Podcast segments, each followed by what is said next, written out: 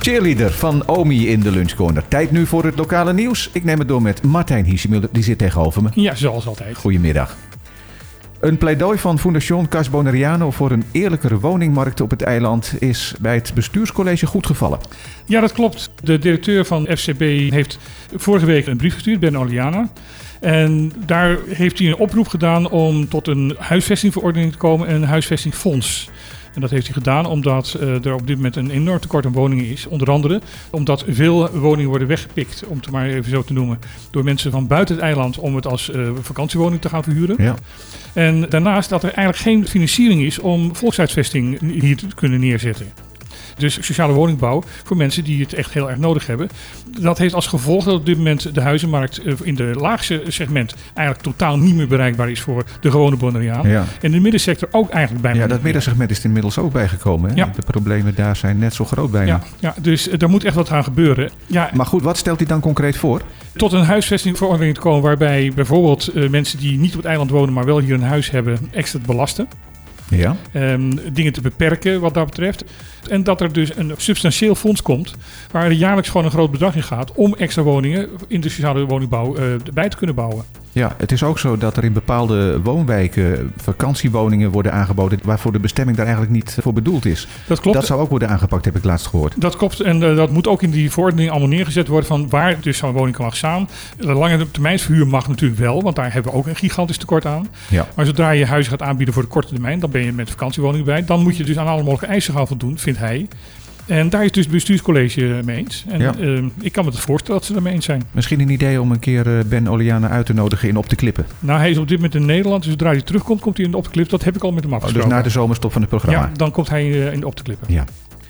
Ik ben een eh, liefhebber van eieren, Ik maar ook. een, eh, een eitje eten wordt een stuk duurder hier op Bonaire. Nou, in ieder geval lokaal geproduceerde eieren.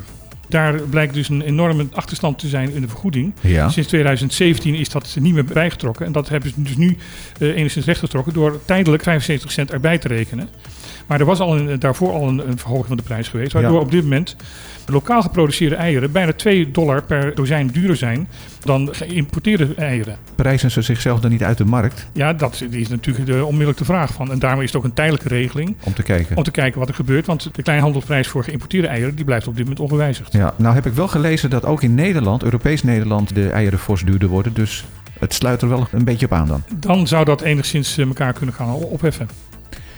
De euro wordt steeds minder waard ten opzichte van de dollar. En daardoor wordt vakantievieren op de eilanden voor mensen uit Europa steeds duurder.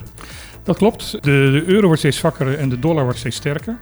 En dat heeft tot gevolg dat als je eh, Nederlands geld hier probeert het uit te geven, dat in, in feite steeds minder eh, k- krijgt voor dat geld. Je krijgt gewoon minder dollars voor je euro. Je krijgt gewoon minder dollars voor je euro. Het is historisch, want sinds de invoering van de euro is dit nog nooit eerder gebeurd. Toen het werd geïntroduceerd was dollar en euro één op één. Ja, En onmiddellijk daarna is de, de euro steeds sterker geworden en de dollar steeds zwakker.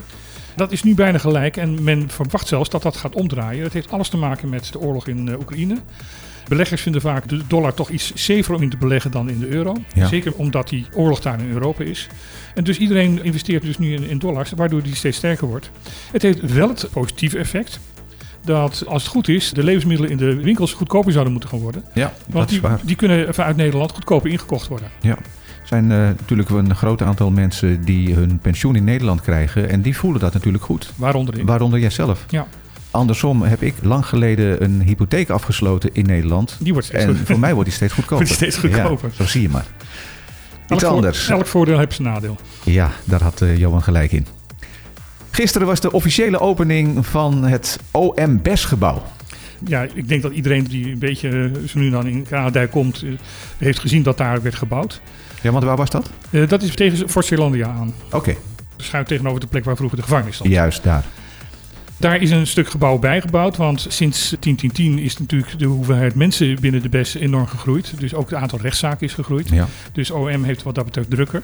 Maar ook omdat sinds 1010 de aantal werkzaamheden die vroeger in Curaçao werden gedaan, nu allemaal omdat het een apart eh, gebied is geworden, hier op Bonaire zelf gedaan moet worden, zijn er ook steeds meer mensen nodig. Uiteraard.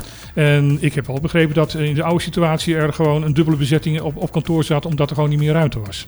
Ja, dat is niet ideaal. Dat is niet ideaal en dat is dus nu opgelost. En ik moet inderdaad zeggen, aan de buitenkant eh, hebben ze het aardig in de oude stijl eh, weten door te ja, hè, trekken. Het- authentiek. het, ja, het, het ziet er niet eh, misplaatst uit. zeker. Nou, het debat over de papiamenstalige koksopleiding, waar we het al een paar keer in dit programma over hebben gehad, is opnieuw opgeschoven. Nou, om een Nederlands spreekwoord aan te houden, het wordt een debat zonder eind. Ja.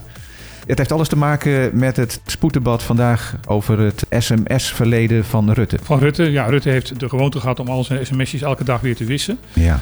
Dat is eh, in verband met de openbaarheid van bestuur natuurlijk niet wenselijk. Maar oké, hij schijnt zich aan de regels te hebben gehouden, zegt hij tenminste.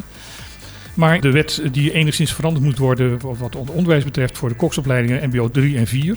Die dan in papiermensen aan een hele kleine groep wordt aangeboden die het Nederlands gewoon niet beheersen. Maar wel graag een hogere opleiding willen hebben om op die manier op bonaire carrière te kunnen maken.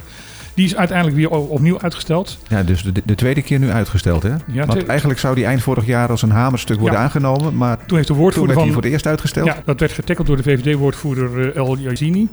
Die zei van ja, maar op deze manier krijgen mensen niet de kans om in- eh, door te studeren in Nederland. Nou, Ja. Nu blijkt dat dus allemaal wel te kunnen. Maar het grote probleem is dat het nu zo ver wordt uitgesteld dat als we niet uitkijken, dat het niet voor het eind van het schooljaar doorgezet wordt. Waardoor volgend jaar die opleiding niet kan gaan starten. Ja. Waardoor dus die mensen nog een jaar moeten wachten voordat ze die opleiding eh, kunnen gaan volgen. Dat zou heel erg vervelend zijn. We zijn toe aan het weer. Ja, er is een code geel met extreme Sahara-stof. Ik heb er nog niets van gemerkt. Nee, maar- ik heb gekeken op mijn auto, maar Nee, ik ook niet. Ik valt erg mee. Maar het valt tot nu toe mee, maar het schijnt dus eh, heel heftig te gaan worden de komende dagen. Het blijft heilig dus door die stof. En het is winderig, maar het blijft op de meeste plaatsen wel droog. 31 graden overdag, eh, 27 graden in de avond. De windkracht blijft eh, rond windkracht 5. Met uitschieters weer naar 7 toe. En we moeten ook rekening houden dat we nog steeds wolken behouden. Dus mensen met zonnepanelen hebben pech. Ik begrijp het. Dankjewel Martijn. Tot morgen. Tot morgen.